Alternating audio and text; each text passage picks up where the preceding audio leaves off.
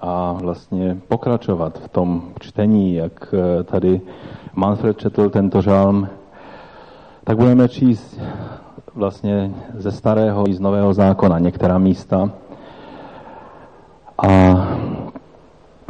víte, když před 14 dny jsem se sdílel slovem o tom, že máme nést svědectví Evangelia a že není na nás hodnotit, ani se obvinovat z toho, jestli to lidé přijímají nebo nepřijímají, to je veliká pravda, já doufám, že jsme to přijali. Naše zodpovědnost je být těmi strážci, kteří předávají poselství od Boha. Ale má to i druhou stranu. Má to tu stranu pozitivní, protože nevím, jestli, jestli dokážeme čerpat radost čistě z toho, že jsme věrnými svědky, aniž bychom viděli jakékoliv ovoce. Noé byl věrným svědkem Evangelia a kázal spravedlnost 120 let a nakonec ti jediní lidé, kteří byli v Arše, těm to musel přikázat, to byla jeho rodina. Ti by tam jinak možná taky nebyli. Ale Bůh dokáže dělat věci, které jsou proti přirozenému běhu věcí. A dnes budeme mluvit něco o tom, co dělá Bůh, ne to, co je na nás, ale co může dělat jedině Bůh. Naše země se velice podobá jednomu slovu, které, které jsem četl teď eh, asi před, před ně, několika dny nebo před nějakým časem. Jsem četl 32. kapitolu eh, proroka Izajáše. A než se dostaneme k tomu slovu, které je tady před vámi, a je tady napsáno, a ta fotka, která je zatím, tak eh, tu jsme pořídili, když jsme jeli Negevskou pouští a byli jsme zvyklí na poušť z Jordánska, protože jsme projížděli Jordánskem a tam je hodně pouště. A pak jsme vyjeli vlastně do Izraele a měli jsme jet z města Eilatu dále přes Negevskou poušť až do Jeruzaléma. A tak jsem byl připraven, že budeme vidět poušť, prostě písek, písek. Tak jak jsme to měli, to, to pozadí, to byla nádherná fotka eh, těch písní, které jsme zpívali, to byla poušť. Vzpomínám si, jak jsem jel z Afriky, ze Zambie do Evropy a vlastně celý den jsme jeli a pod sebou jsme neviděli nic jiného než Saharu. Já jsem nikdy nevěřil tomu, že poušť může být tak veliká, tak obrovská a tak mrtvá. Tam nebyly cesty, tam nebylo nic, to bylo písečné moře. Jenom tu a tam bylo vidět nějaké osady a kousek takových těch cest kolem toho z letadla z těch deseti tisíc metrů. Občas bylo vidět nějaké známky života, ale jinak to bylo písečné moře. Někde bylo vidět písečné bouře, kdy nebylo toho příliš vidět, protože všude byl prach v tom eh, vzduchu pod námi. A tak jsme letěli stále jenom poušť a poušť. Poušť ale dokáže být hezká, jak jsme viděli v těch písních, ale když jsme věli na Negevskou poušť, velice často se nám takový obrázek ukázal. Na poušti rostou stromy. Je to les, který, který izraelská vláda, izraelský národ velice eh, jim záleží na stromech. Oni sadí hodně stromů. Je to pravý opak toho, eh, k čemu vede eh, islám. Všude, kde islám má nějaké kořeny, tak můžete vidět, eh, že stromům se moc nedaří. V, Pak, v Afganistánu jsme to viděli až velice, velice tvrdě. A proto minulou neděli, když Zdenka tolik jásala, že v Heratu jsou stromy, tak jste se na ní někteří tak dívali, a co jako má být? Stromy přece jsou všude. Není to pravda. To je veliký zázrak, že v Heratu nějaké ty stromy přežily. Až bude na nás vylit zvýše duch, poušť se stane sadem a sad bude mít cenu lesa. Než se k tomu slovu dostaneme, tak zkuste si otevřít tu 32. kapitolu proroka Izajáše. Tam je trošinku jiný obrázek. Tady je řeč o ženách, které by klidně mohly být českými ženami. Od devátého verše. Ženy sebejisté, vzhůru slyšte můj hlas, bezstarostné dcery.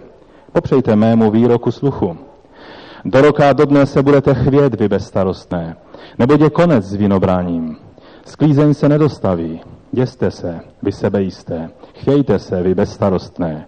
Vysvlešte se, obnažte se. Bedra si žiníci přepásejte.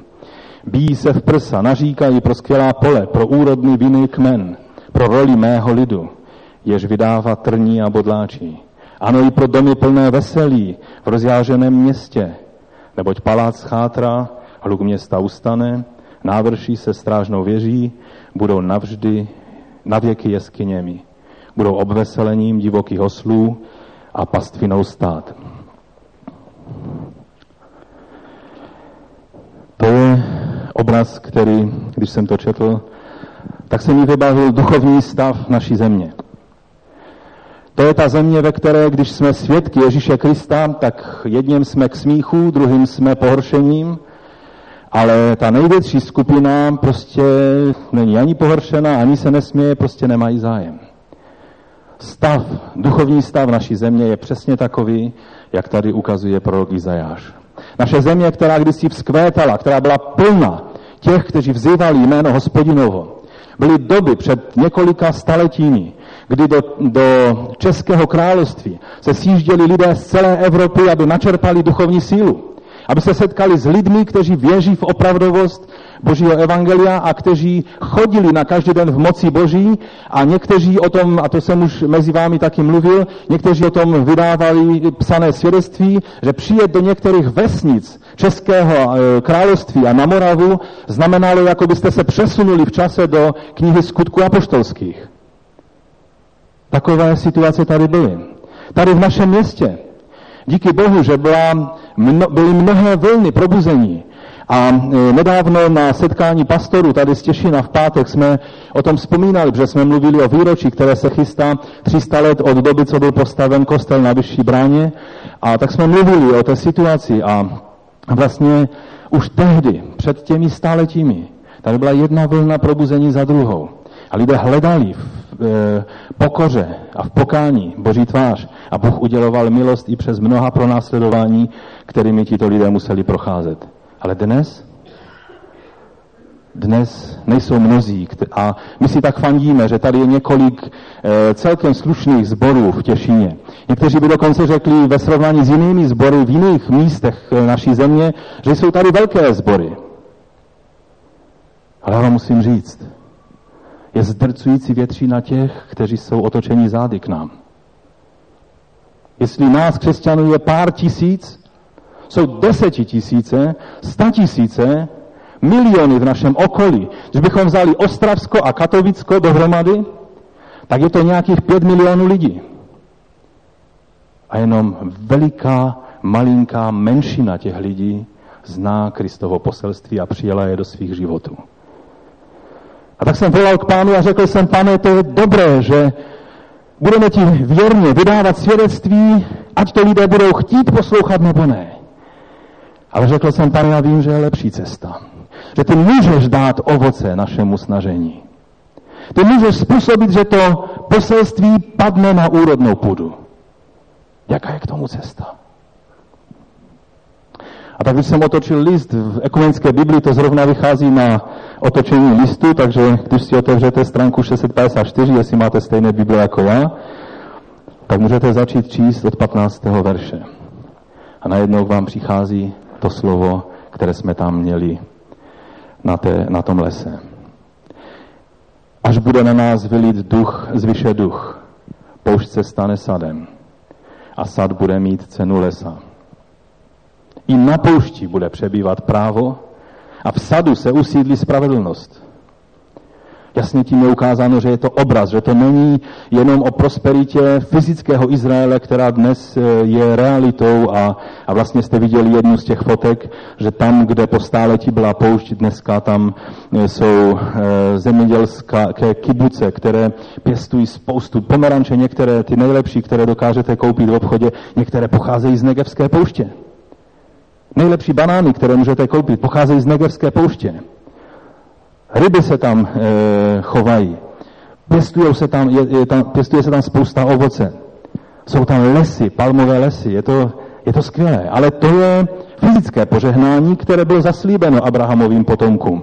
Ale tady se mluví, že spravedlnost se usadí i na poušti, že bude právo. A v sadu se usídlí spravedlnost. Tady se mluví o něčem jiném než o fyzických věcech. Tady se mluví o duchovních věcech. O duchovní poušti a o duchovním řešení. Spravedlnost vytvoří pokoj. Spravedlnost zajistí klid a bezpečí na věky. Můj lid bude sídlit na nivách pokoje, v bezpečných příbytcích, v klidných místech odpočinku. I kdyby na les spadlo krupobytí a město bylo srovnáno se zemí, blaze vám, kteří budete osévat zemi všude zavlažovanou a necháte volně běhat býka a osla. Víte, od momentu, co jsem přečetl tato slova, tak jsem se jich nemohl zbavit. A já doufám, že to břímě, které ve mně narostlo tím slovem, tím proroctvím, to, že cítím, že je to slovo do naší situace, že je to slovo do, do situace v naší zemi, v našem městě, v našem sboru, že dneska, po tom, co to tak nějak předám, jestli mi Bůh dá v těch pár desítkách minut možnost předat to slovo i vám, abychom to tak nějak rozložili, to břímě a očekávali od Boha, že se to slovo naplní. Tehdy se možná uklidním. Ale spíš se uklidním, až uvidím praktické výsledky tohoto proroctví. Že já věřím, že je to slovo do naší situace a že Bůh ho chce naplnit. Tak jak nikdo nevěřil, že znovu vznikne fyzický Izrael, že lidé z celého světa se budou stěhovat. Kde? Na poušť. Naprosta většina území, které nakonec po těch všech odkrojeních, co původně mělo být mnohem větší území, co OSN nebo co mezinárodní společenství rozhodlo, tak pak nakonec v tom hlasování se rozhodlo jenom veli, velice takové torzo toho, co mělo být státem Izrael a naprosta většina toho byla poušť. A ta poušť dneska kvete. Stejně tak naše země duchovně. Dneska se, kde se podíváme, je poušť a spoušť. Ale Bůh způsobí, že to bude kvést. Že to přinese život. To poselství dnešní je jednoduché. Duch svatý způsobuje plodnost, úrodu, proměnu suchých, neplodných oblastí, které se mění na úrodné. Až bude na nás vylít z výše duch. Jaký duch? Jediný duch, který to dokáže, je duch svatý. A vlastně, kdybych nic jiného dneska neřekl, tak by to stačilo. V tom je odpověď. A teď už je jenom, abychom poznali, pane, jak? Co to všechno znamená? Je to skutečně tak, že to je jediná cesta k tomu, aby tam, kde je mrtvo a spoušť a poušť, se zaskvěl život. To slovo, to prorocké slovo vlastně mluví o tom, že naše sedba, kterou věrně budeme vykonávat, ať, ať ta půda bude rodit nebo nebude. Ale je jedna situace, kdy ona určitě bude rodit a to je tehdy, když ji zavlažuje Duch Svatý. Blaze vám, kteří budete osévat zemi všude zavlažovanou a necháte volně běhat býka a osla. Toho býka a osla nechme být, to taky má svůj význam, k tomu možná někdy jindy, ale zavlažovaná země. Země zavlažovaná božím duchem. Když Izraelci šli do, do Palestiny, do Kanánu, Bůh jim řekl, tato země nebude jak Egypt, kde se manuální práci mnozí otroci museli budovat kanály, aby se dostalo při povodní vodu z Nílu, který se rozlíval jednou nebo jednou za čas Eh, vystupoval ze svých břehů a tehdy těmi kanály vlastně byla zavlažována celá egyptská země. A voda se dostala na ta pole a byla to velká dřina. Tu vodu tam dostat. A Bůh řekl, Kanán nebude takovouto zemí. Je to země, kterou Bůh zavlažuje svým deštěm. To je obraz toho, že chození, živé chození s Bohem, není tvrdá zákonnická práce, ale je to život, který zavlažuje Bůh skrze Ducha Svatého. Další slovo, které se s tím pojí a je z Nového zákona, možná vás překvapí, ale je to Lukáš první kapitola od 34. verše. Já to budu číst z Nové Bible Kralické.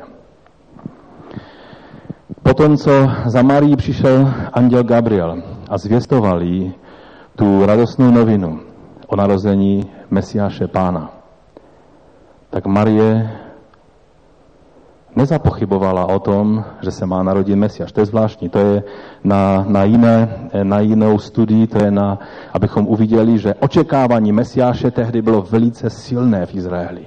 Marii nepřekvapilo to, že jí bylo oznámeno, že se narodí syn Boží, že se narodí Mesiáš. To jediné, co vyhrklo z ní, bylo, jak se to stane. 34. verš. Jak se to stane? Zeptala se Marie Anděla. Vždyť jsem ještě nepoznala muže.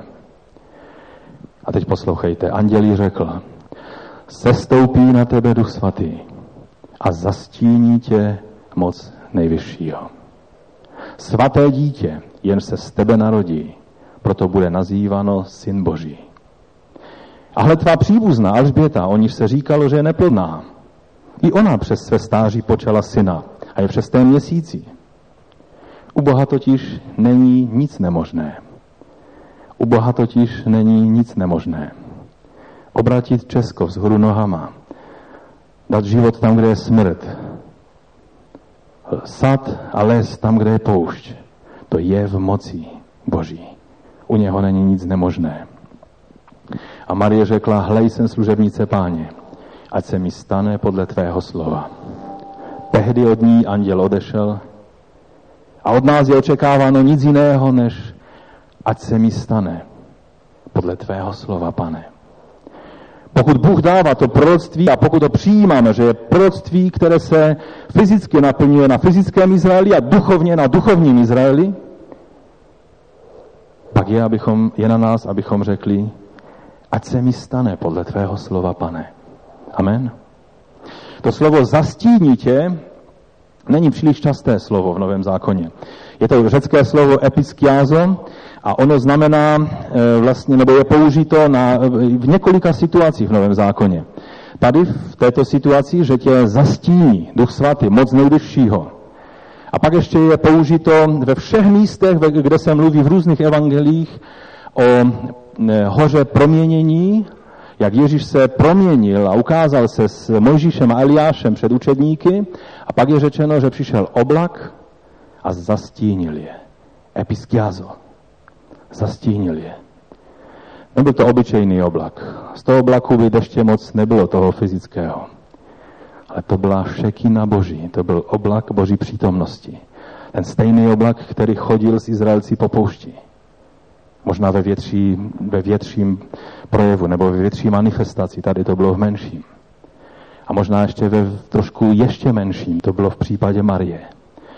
Kdy šekina Boží, duch Boží ze svojí přítomnosti ji zastínil. A výsledkem bylo co? Ona nepoznala muže. Nebyla šance, aby se narodilo dítě. Ona byla zbožná žena. A tehdy zbožní židé to fungovalo tak, že když se zasnoubili, eh, bylo oznámeno té dívce a v tom filmu eh, Příběh zrození, to je nádherně vidět, bylo Marii oznámeno, kdo bude její manželem a pak až do svatby se neviděli. Nebyla šance. Ale když přišel Duch Svatý a zastínili, tak to přineslo výsledek a to, co se z ní narodilo, bylo Boží. A to je obraz úplně stejný, o kterém mluví Izajáš v té 32.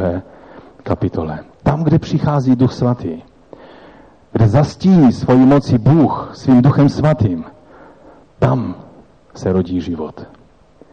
V tom vrcholném obraze je to u Marie, kdy jí Duch Svatý přikryl svoji moci a zastínil a byl z toho život. Pak vidíme to slovo použité ještě v proměnění, kde vidíme, že to bylo zastínění, které bylo boží, které, byl, které bylo e, nadpřirozené. Pak ještě jednou je to e, použito v Novém zákoně a to je v situaci, kde je napsáno, že Petr šel a kde jeho stín zastínil někoho, tak byl uzdraven. A tak mnozí lidé od té doby si tak přeje, aby jejich stín byl tak zázračný, jako byl Petrův. Ale já vám musím říct jedno zklamání. Tvůj stín, jako myslím fyzicky, když se postavíš světlu do cesty, tady, vidíte, to je můj stín, ten asi sotva uzdravuje. Ale ten stín, kterým byl Petr zastíněn, mocí Ducha Svatého, to je ten stín, který uzdravuje. A proto, když se Petr přiblížil k někomu, a ta šekina, která byla s ním, najednou zastínila člověka, který byl nemocný, ten člověk byl uzdraven. Takže nesnaž se, aby tvůj stín, takový ten, uzdravoval, snaž se, aby přítomnost Ducha Svatého byla ve tvém životě a tahle šekajna, šekina, když zastíní tvé okolí, bude z toho život. Protože to poselství jediné, když si nic nezapamatuješ dneska, zapamatuj si jednu, jednu jedinou věc. Duchovní život, život obecně, jediné, co je zdrojem života, co může vypůsobit život tam, kde je smrt, je Duch Svatý. Když on zastíní, je z toho život. Je to několik věcí, které Duch Svatý vlastně, nebo skrze ústa Gabriele, eh, Bůh ukázal Marii.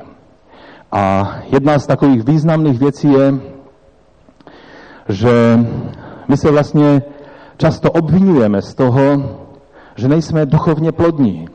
Že jakoby kolem nás je neplodnost a my hledáme a, a někdy se snažíme dodržovat různé principy a různé věci děláme a, a, a, a obvinujeme se, že, že jako bychom nebyli schopni my ten život vypůsobit. A někdy máme pocit, že to je tím, že nejsme před Bohem čistí. Já vám musím říct, můžeš být čistý, svatý, posvěcený a přesto neplodný. To je možná novost. Když Gabriel řekl Alžběta, která už je v létech, nemluví už o její manželovi, ona je v šestém měsíci. A víš, Marie, co je u člověka nemožné, u Boha je možné. Ale víte, co je řečeno o že hned bychom se mohli na Zachariáše a Alžbětu podívat, něco v tom jejich životě bylo, když byli neplodní. Protože to je obraz do duchovní plodnosti, rozumíte? Teď nemluvíme o, o, o tělesné neplodnosti, tu tak nějak už v 21. století chápeme, že to je způsobeno mnohými zdravotními a jinými okolnostmi a, a nevždy je to otázka ženy, někdy je to otázka muže, někdy obou dvou a tak dále a tak dále. Ale duchovní neplodnost. Určitě něco bylo v jejich životě, když nemohli mít dítě. Víte, co je napsáno o nich? Lukáš 1, 5 až 7. Za dnů judského krále Heroda byl jeden kněz jménem Zachariáš z Abiášova kněžského oddílu. Jeho manželka byla z dcer Áronových, oba dva byli z lévického kněžského rodu. A jmenovala se Alžběta. A teď poslouchejte. Ačkoliv byli oba spravedliví a žili bezúhonně, Mohli byste si říct, no spravedliví a žili bezúhonně, tak to vypadalo lidem, ale tam něco bylo a Bůh to viděl. Tady ovšem je řečeno, oba, ačkoliv byli oba v božích očích spravedliví a žili bezúhonně. Či ne v tvých a mých očích, v božích očích. Bůh neviděl jedinou skvrnu na jejich životě a přesto byli neplodní. Víte, já se vám přiznám, že pro mě to byl nový objev. A tak vám trošku dávám věci, které ještě nemám ani pořádně stravené a já doufám, že je společně strávíme a přijmeme. Ale to mě ukazuje, že plodnost je ještě něco víc, než se snažit žít dobrý a zbožný život.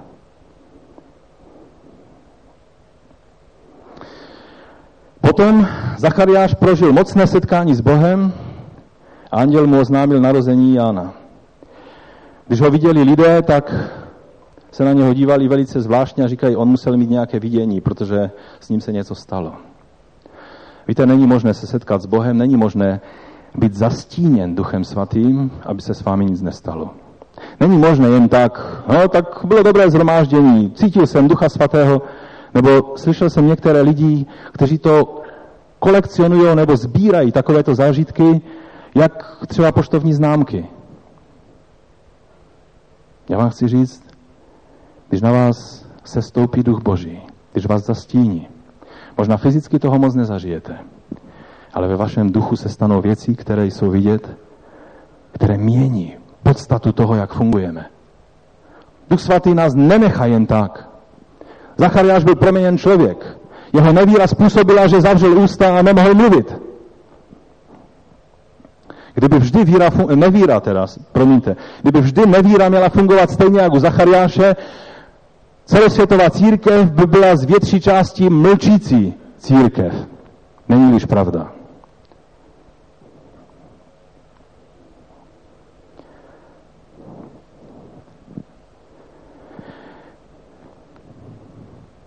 Ale výsledkem toho, že na něj sestoupil Duch Svatý, bylo, že v Alžbětě se počal život. A když se setkala s Marí, když se setkali, a Marie tak nesměle chtěla vidět, co to, když o Alžbětě se mluvilo v tom proroctví, v tom proroctví co, se, co se teda stane. A najednou to dítě, to byl Jan Křtítel, ještě takový malinký, šestiměsíční, on už byl naplněný Duchem Svatým. Protože to byl boží život. Víte, Duch Svatý způsobuje boží život.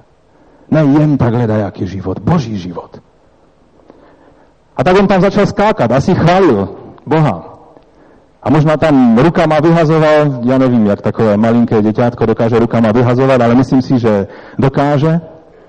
Když si dokáže cucat prst, takový úplně malinkatý, tak dokáže i rozhazovat rukama. Musí sice dávat pozor, se nezamotá do té pupeční šňůry, že? Ale dokáže chválit pána. A Jan Křtitel chválil hospodina. A Alžběta to poznala. Radovala se s ním. To byl výsledek toho, že Zachariáš a Alžběta prožili navštívení Ducha Svatého. A pak, když se podíváme na Marii, pokud byla čistá duše tehdy v Izraeli, pokud byl někdo skutečně čistý a boží, pak to byla táto dívka. V ní nebyly žádné poskvrny.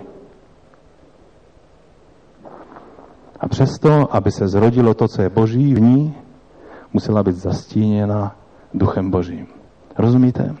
K tomu, že jsi dobrý křesťan, že jsi slušný člověk, k tomu se musí stát ještě něco víc. Aby přišel život, který způsobujeme, nebo který pramení z nás.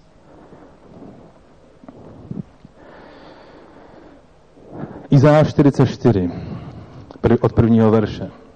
A nyní slyš, Jákobe, můj služebníku. Budeme číst pár eh, úseků z Bible a e, pokud si to najdete, nebo pokud se e, to stihne Benjamin dát na projektor, tak je to dobré, ale jinak alespoň poslouchejte.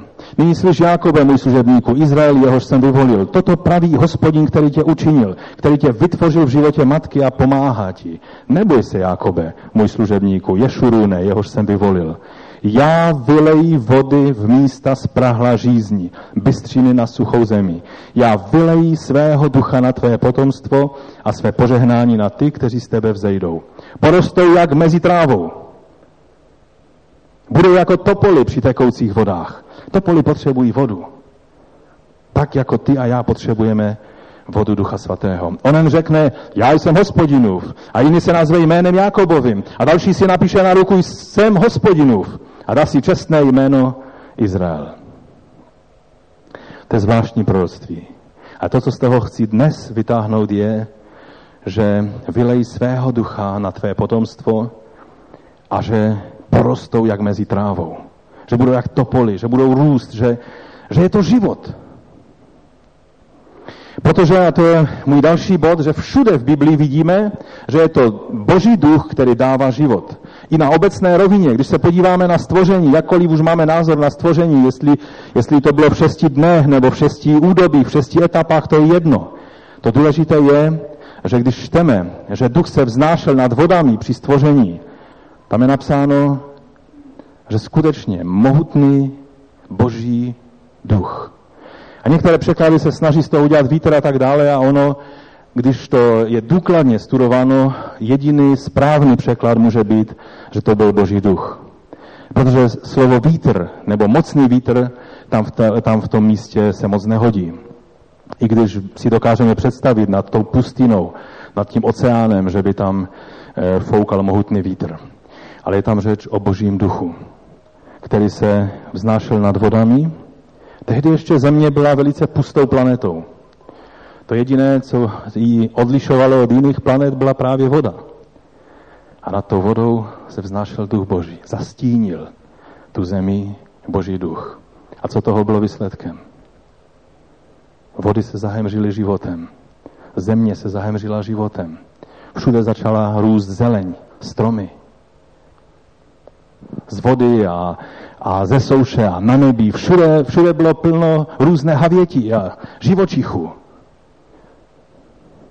Čeho to bylo výsledkem? Božího slova a toho, že duch Boží zastínil zemi, vznášel se nad vodami. Když bychom se podívali na stvoření člověka, je to velice podobné. Jak vzniknul člověk?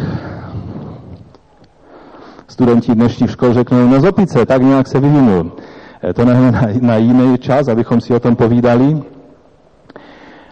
Bible nám říká, že byl stvořen ze stejných prvků jako všechno jiné. To znamená, že byl stvořen z těch prvků, ze kterých je stvořena naše země. Čili tam je napsáno, že ho sformoval z hlíny. Ale pak je řečeno, co? Pak je řečeno, že mu vdechl v jeho nos nebo v jeho chřípí duch nebo ducha života. Víte, jak to je doslova hebrejsky? Tam není, že mu vdechl ducha života. Tam je řečeno, že mu vdechl ducha životů, kroužkované U. To množné číslo znamená právě to, co nás odlišuje od živočišné říše. Vdechnul nám život podle těla, to je živočišný život. Jak se projevuje náš živočišný život? Tím, že jsme savci. Jsme stejní savci, jako je koza, pes. Co ještě je savcem? Jmenujte ještě jednoho savce nějakého.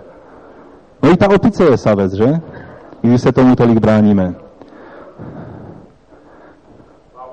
Ano, no to už jsme dost tak e, vzdálení těm savcům e, našeho ražení, protože já ve vodě, teda pod vodou zase tak dlouho nevydržím, ale to je ten živočišný život. Ale tam byly životy v množném čísle. Člověk má totiž život, který nemá ani delfín, dokonce ani nechytrý delfín. Člověk má život duchovní, schopnost komunikovat s Bohem, schopnost víry, schopnost uvědomovat si sebe sama, schopnost být osobností, schopnost být věčně živý v Boží přítomnosti. To je ten život. A co to způsobilo? Dech ducha života. Čili v Biblii to vidíme všude. Mohli bychom dokonce to ukázat i na opačném příkladu. Job 34, 14 až 15 je řečeno, kdyby ho jen tak napadlo Boha, svůj dech, svého ducha odejmout, všechno živé by rázem pomřelo a lidstvo by se bylo do prachu vrátilo. Kdyby jenom na okamžik Bůh vzal svého ducha života z nás, byly by tady hromádky různých prvků a někdo to jednou vypočítal, jakou cenu má eh, člověk jako chemická eh, složenina. Jo? A, a ty prvky různé nejsme příliš cení. Nejsou to diamanty, není to zlato, je to asi dost hodně uhlí, že? A z čeho ještě jsou bílkoviny? Dusík, co tam ještě je? A nebudeme raději se do toho pouštět. Jsou to dost levné prvky, řekněme si to. 80% nebo ještě víc toho tvoří voda,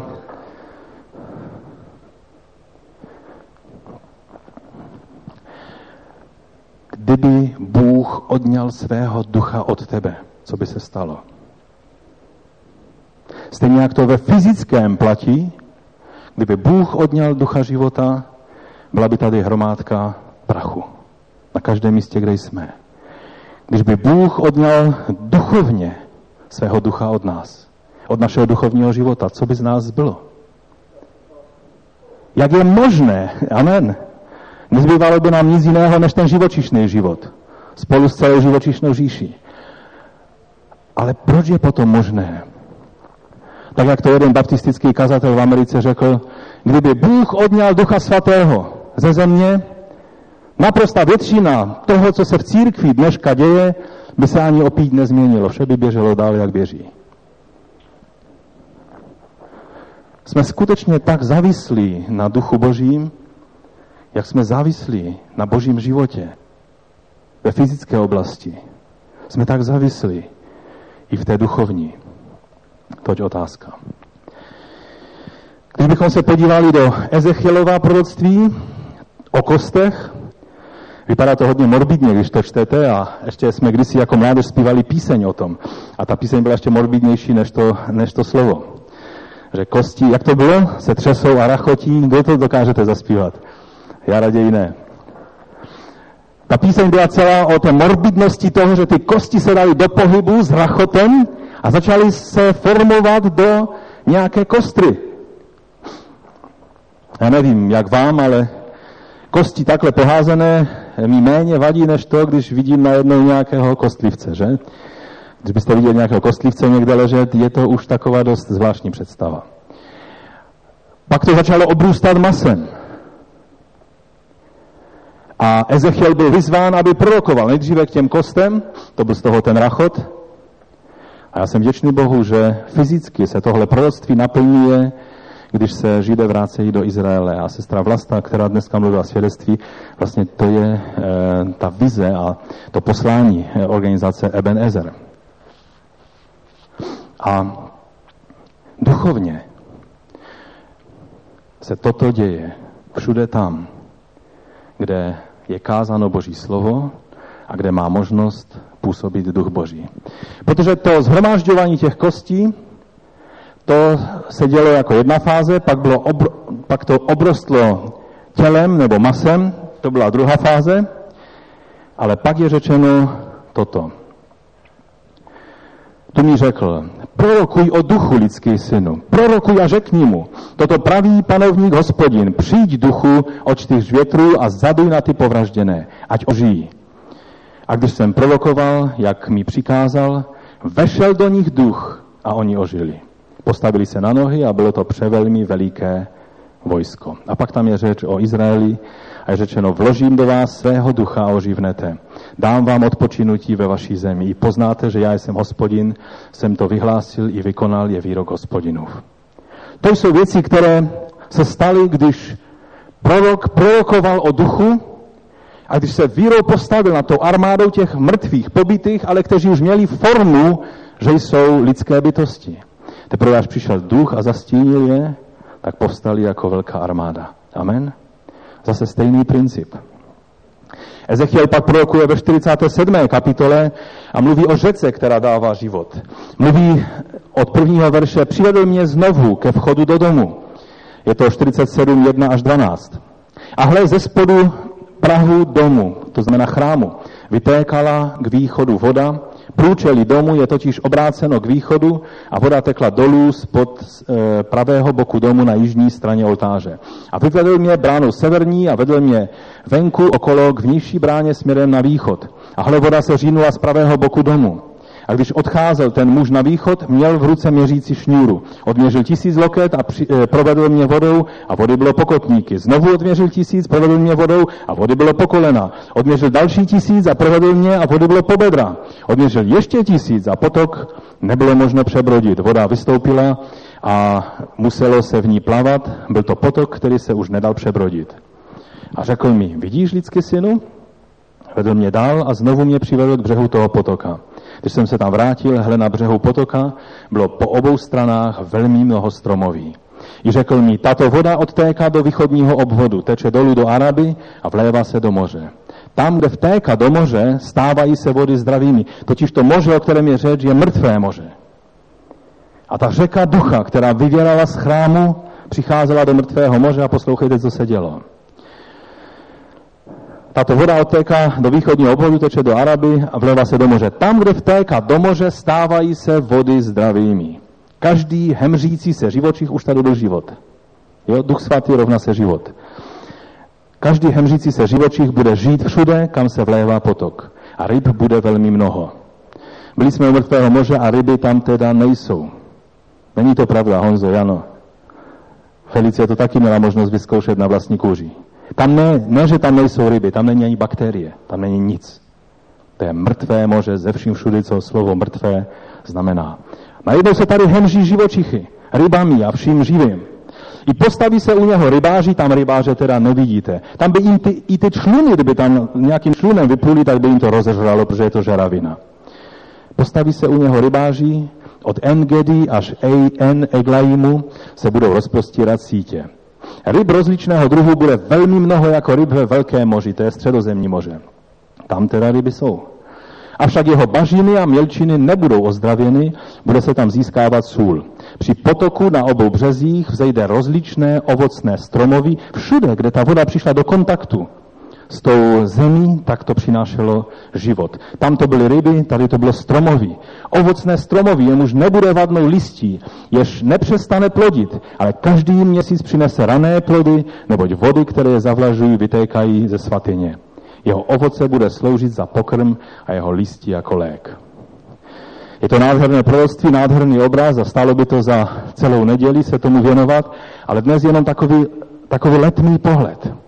Ta řeka, která nejdříve jako potůček vytékala z chrámu, najednou se rozlévala jako silný potok a pekla až do mrtvého moře a všude, kde se setkala, jak po jejich březích, tak i mrtvé moře začalo se hemžit životem a přinášelo, přinášelo ovoce.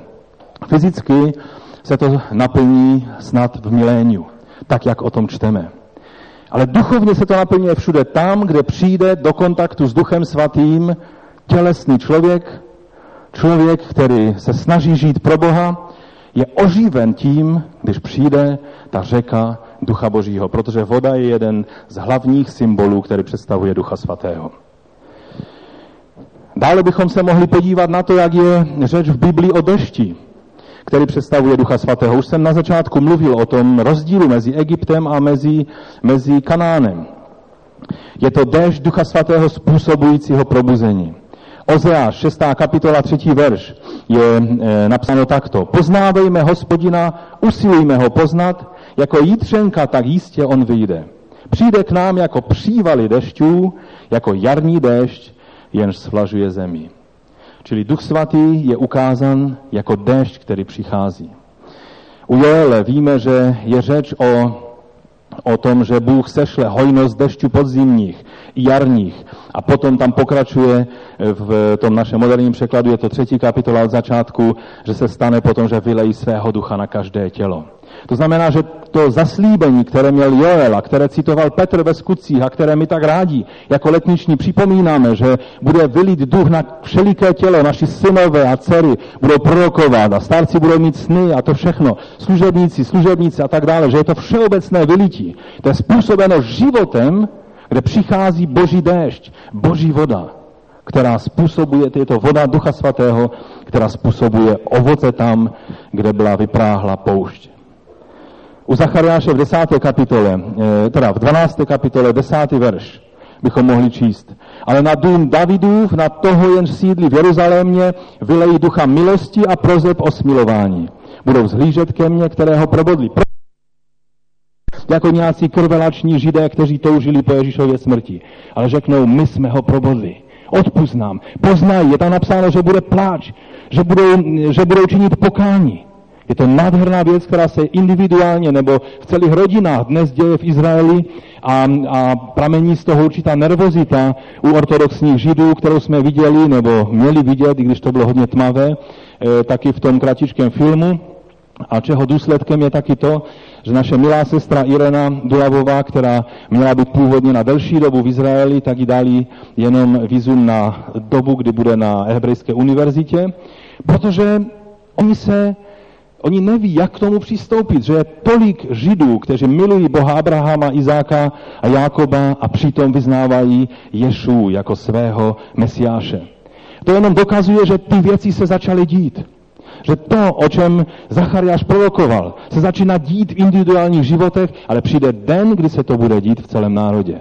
A na tento den se těšíme a očekáváme a za něho se modlíme.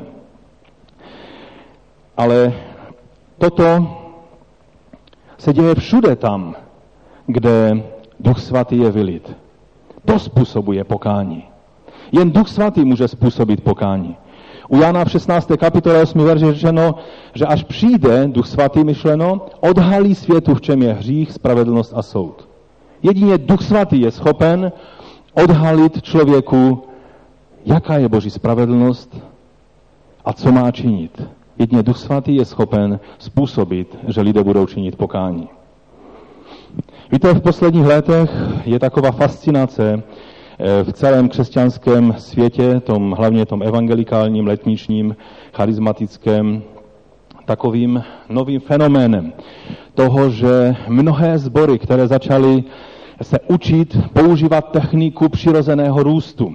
To znamená, že se, stali, že se začali, že začali být citlivé na příchozí. To znamená, že veškeré programy ve sboru byly zamířeny na lidi, kteří jsou zvenčí, aby jim rozuměli, aby se neuráželi nad tím, co se děje ve sboru. A takovým vzorem pro, pro to byly sbory, hlavně Willow Creek, eh, kde je pastorem Bill Hybels. Je to vzor pro mnohé, mnohé tisíce sborů po celém světě. Je to velký sbor, má asi 20 tisíc členů a je už léta, léta jedním z největších sborů a rostoucích sborů.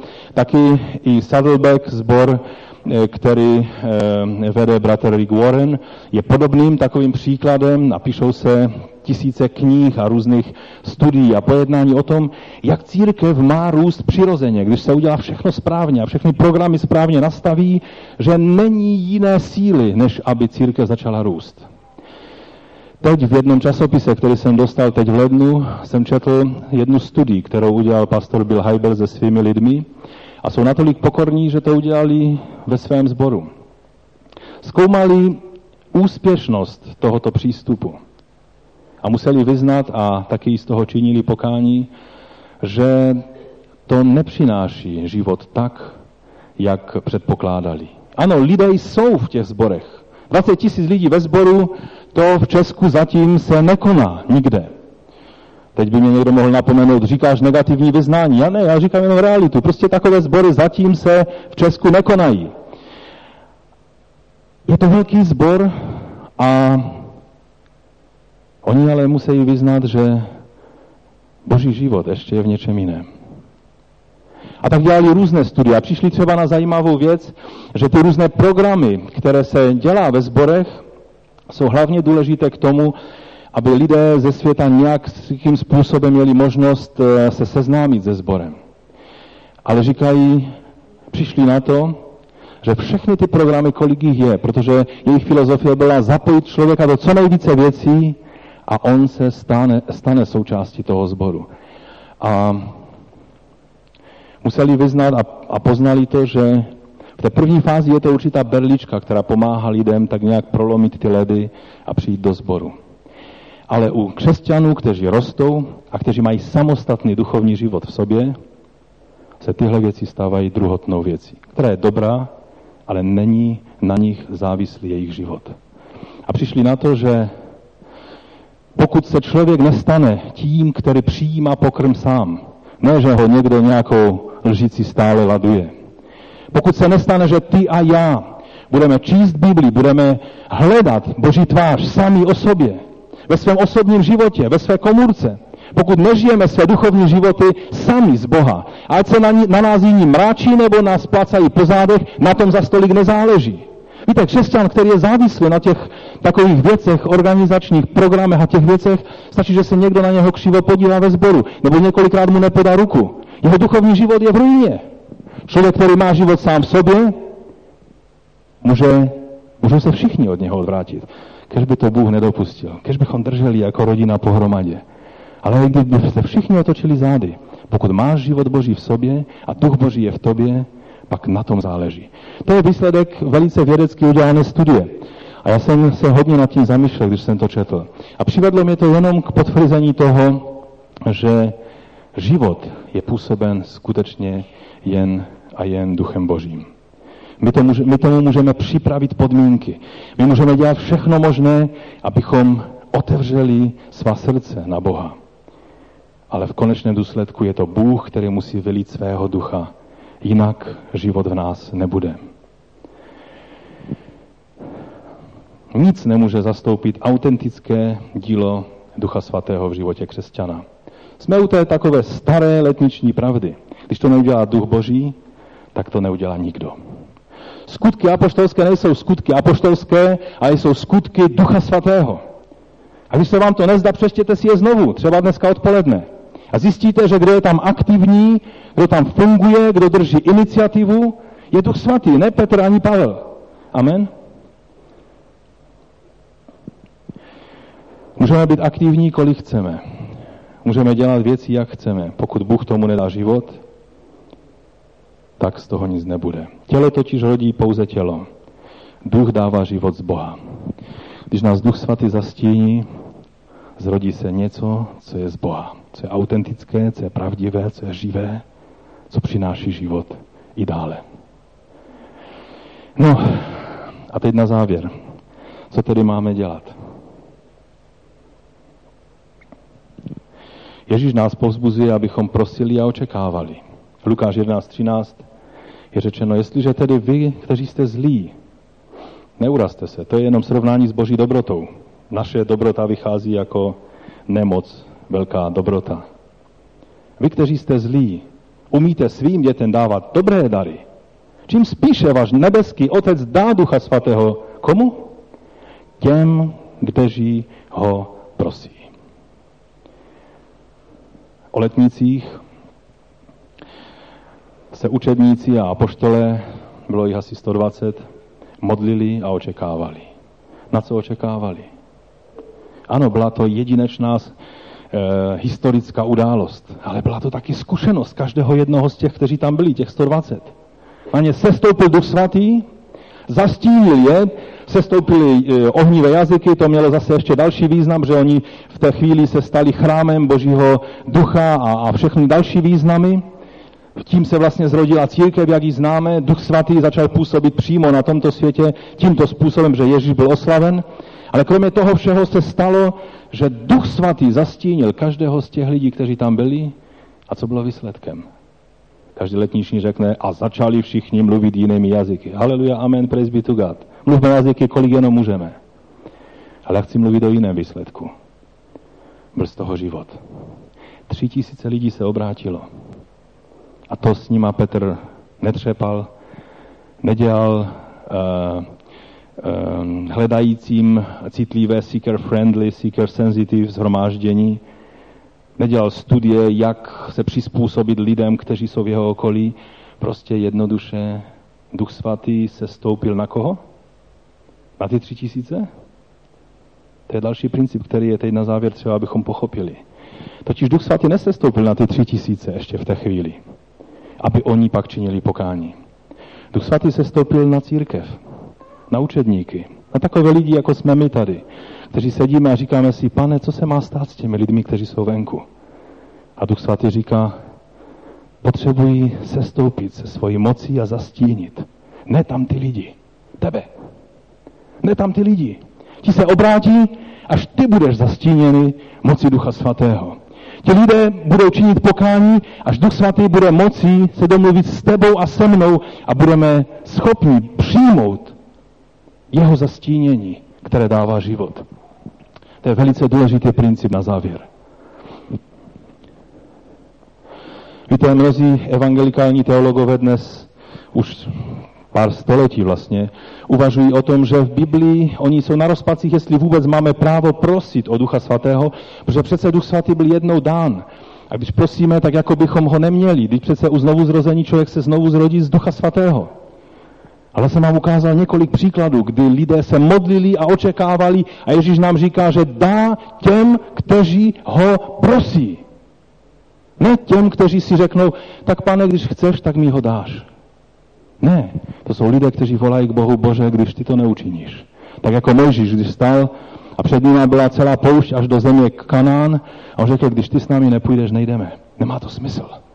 Pane, když tvůj duch nás nezastíní a nespůsobí život, ano, my ti budeme věrnými svědky, ať se budou lidé obrácet nebo ne, ale my víme, že je lepší cesta. Že když nás zastíníš svou mocí, když se stoupíš svým duchem na nás, pak to způsobí, že poušť se stane sadem že vyraší stromy a život a všude tam, kde tvoje voda, tvého ducha bude působit. Ale ona musí nejdřív začít působit v mém životě, v tvém životě. To je ten princip. Učedníci byli naplněni Duchem Svatým a jiní lidé se obraceli. Učedníci byli naplněni mocí z výsosti a ostatní lidé přijímali evangelium. A možná bychom si řekli, ale v tom není žádné propojení. U Boha je.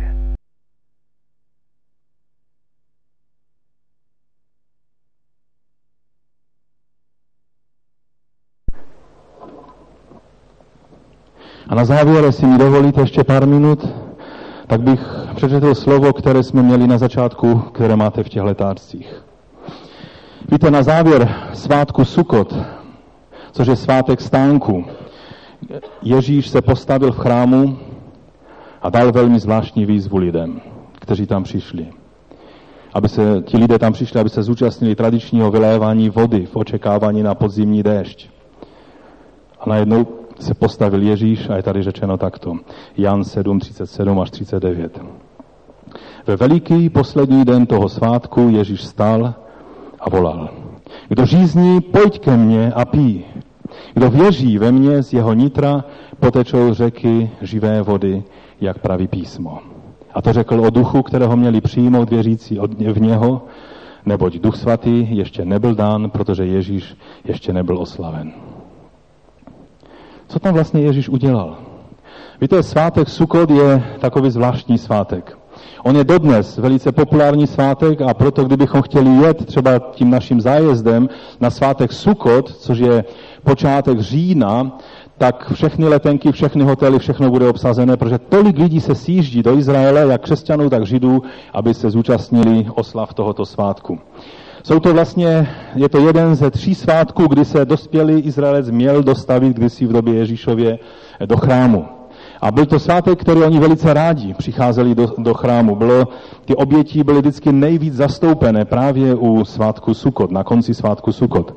Ten svátek začíná 15. Eh, 15. dne měsíce Tishri, což je sedmý měsíc podle židovského kalendáře, u nás je to říjen, a trvá sedm dnů a na osmý den je pak zakončení, je pak eh, veliké zhromáždění a ještě dodnes, pokud jste se někdo dívali na, na film, který natočili někteří čeští herci v Izraeli, v Jeruzalémě, oni tam ukazovali tu čtvrť ortodoxních židů a tam na balkonech byly takové chatrče. Ne, neviděl jste to někdo? Tam byly takové chatrče. A oni vlastně e, po dobu těch svátků stánků mají opustit své bytelné domy, a mají e, bydlet těch sedm dní v takových prostě jednoduchých chatrčích, aby si připomněli, z čeho byli vysvobozeni. A že bydleli na pouští v jednoduchém bydlení ve stanech. Mají dokonce tu střechu nad tím balkonem, mají udělat děravou, což bylo taky v tom filmu ukázáno, aby viděli na hvězdy. Aby si uvědomili, že nemají tady místo trvalé k bydlení.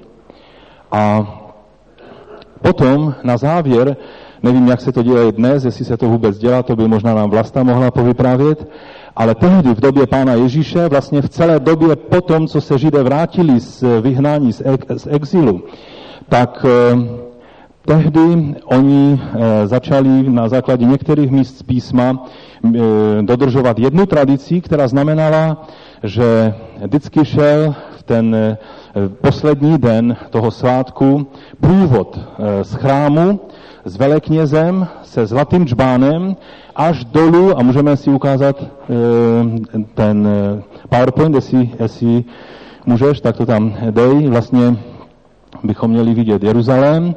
A je to dost dlouhá cesta, vlastně od chrámové hory dolů až do, do, do jak se tomu říká, vodní nádrže Siloam nebo Siloe. Ono vždycky se věřilo, že to je jiné místo, které postavila jedna římská panovnice křesťanská, tak to je to, to nové e, Siloe, ale ještě, ještě si se můžeš vrátit, ale právě jak jsem byl před snad dvěmi nebo třemi lety v Jeruzalémě, tak právě tam byla velká sláva, protože při vykopávání nebo opravování nějakého kanalového potrubí, tak zjistili, že narazili na velice cennou archeologickou eh, lokalitu a že vlastně objevili tu starou bývalou Siloam, která byla postavena v době ještě králu a e, která je propojena s e, pramenem Gihon, to vidíte, to je jinak pramen, kde byl e, korunovan Šalamón a spojuje, pojí se ze spoustou věcí. A král Hiskiáš nechal postavit tunel, který přiváděl vodu z Gihonu do toho, do, do toho nádrže Siloam. A tam je takový příběh, že oni vlastně kopali z jedné strany, kopali z druhé strany a přesně se sešli a ti dělníci byli z toho tak natření, že se trefili. To nebylo jako v Polsku, když se staví dálnice, že se pět kilometrů e, nějak nedomluvili, ale oni se přesně sešli a napsali tam na stěnu, vykovali přesně, že za dnů Hiskiaše krále tohle bylo postaveno, tenhle vodní příkop. Doufám, že se nám podaří ho vidět, až budeme v Jeruzalémě. Ale o čem chci říct? Eh, ten kněz šel z té chrámové hory dolů, nabrali do toho zlatého džbánu vodu a šli s tím průvodem zpátky na chrámovou horu, jestli můžeš dále ukázat. A vlastně přišli tady těmi schody eh, nebo bránou Chuldy, to je tady po levé straně, jak vidíte tu šipku. Jestli bys mohl ukázat, jak si klikneme na tu šipku blíž už přímo chrámu, dále, tak vidíte prostor přímo chrámový a tam jsou takové tři brány po levé straně. A jestli si ukážeme ještě další obrázek, to jsem jinak vytáhnul ze své Bible Logos, eh, tak eh, to je ještě jiný obrázek, tady vidíme. Jinak tuhle stěnu celou a ty schody, ještě pozůstatky těch schodů je možné dodnes vidět eh, v Jeruzalémě. Když tam budete, nezapomeňte se na to jít podívat. A tady jsou ty tři brány. Jedna je právě z nich vodní brána a touto bránou prošli, prošel ten průvod až do chrámového prostoru a dostali se, ještě můžeš ukázat další obrázky, jestli tam nějaké jsou, to je model, vlastně tady zase vidíme ty tři brány a ta pravá je vodní brána, a ještě tam něco máme, tady je vidět tu, ty schody chuldy a bránu, eh, kde se vcházelo, to byl hlavní vchod do chrámu při obětování. No a proč, jsem, proč o tom takhle mluvím? Teď Ježíš v ten den, kdy lidé s nadšením šli v tom průvodu dole k tomu, eh, k, tomu, eh, k té vodní nádrži Siloam, a teď šli spolu s tím veleknězem s tou velice vzácnou vodou a přinesli ji až do chrámového prostoru. Když vstupovali do chrámu tou vodní bránou, tak se roztroubily trubky, eh, které oznamovaly tu velice důležitou událost. A teď byly při, byla tam zapalována světla jako po celou dobu toho svátku, ale pak tam byly dvě nádoby, které byly připravené u oltáře. Do jedné nádoby se vlévalo víno obětování a ta druhá nádoba, a oni obě měli takové prostě otvory, kterými pak e, to, buď to víno, nebo tady voda vytekla z toho. A ten velekněz, když přišel k té nádobě, kde se měla vylít ta voda, tak všichni lidé nadšeně volali, zvední vysoko své ruce, aby viděli, že skutečně on to tam vleje. Protože se těšili na požehnání toho podzimního deště.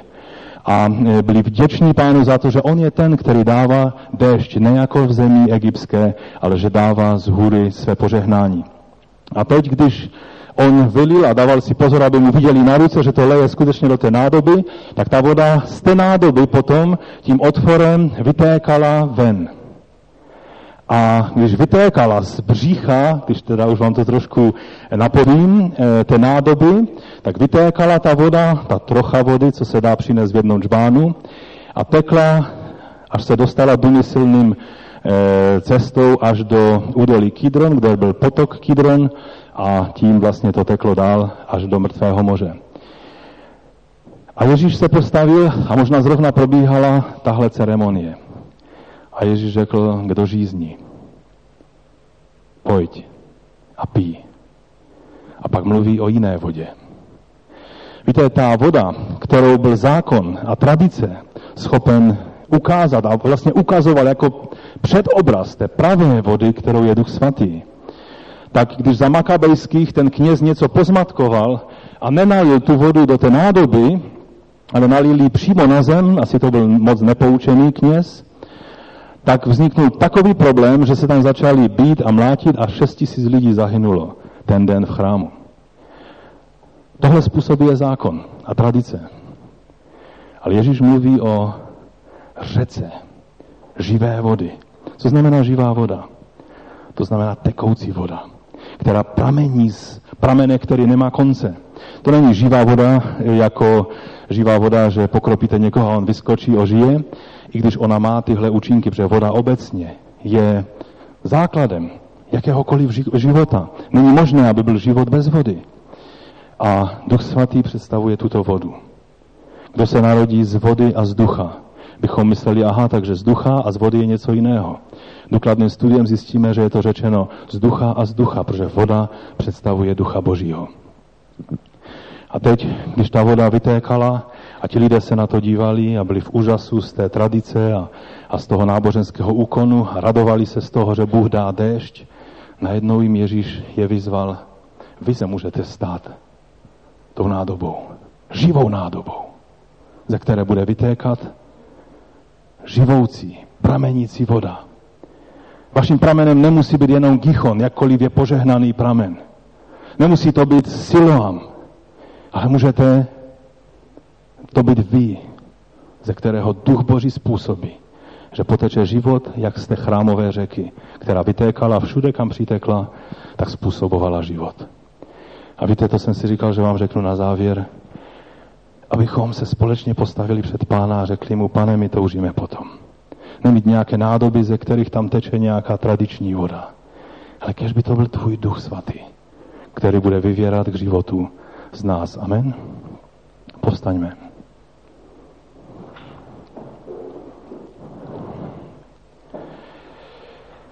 Někdy příště se podíváme na to, co může bránit Duchu Svatému. Protože nutně musíte si, musíme si položit otázku, no dobré, když to všechno je zaslíbeno, proč se to neděje? A budeme se dívat na některé věci, které blokují tu boží vodu. Které věci způsobují, že ta voda nemůže vyvěrat z nás. Bůh je připraven. On je připraven, aby své požehnání vylil na nás. Ale na tobě a na mě, jestli to chceme. A tak teď já vás nebudu přemlouvat. Prostě kdo chcete přijít tady dopředu a chcete říct pánu, pane, jsem tady a pokud ty mi nedáš svého ducha, já nespůsobím život ve své rodině, já nespůsobím život ve svém okolí, já nejsem schopen. Já jsem schopen možná být věrným svědkem, který bude opakovat tvé pravdy. Už i k tomu potřebujeme posilnění Boží. Ale jedině ty můžeš způsobit život tam, kde je smrt. Jedině ty můžeš způsobit život tam, kde je spoušť a poušť. Jedině ty můžeš dát že ta řeka, kde, kdekoliv poteče, že způsobí život a, a, a plnost života, kterou dává jedině Bůh. Pane, když ty si zastínil Marii svým duchem, výsledek z toho byl život. Když tvůj duch se vznášel nad vodami, výsledek toho byla hojnost života, kterou vidíme na naší planetě. Když ty se dotknul a vdechnul na e, člověka, který byl prostě kouskem nějaké hmoty, tak si způsobil, že člověk začal žít jak životem fyzickým, tak životem duchovním. Ty jsi ten, který způsobuje život tam, kde je smrt.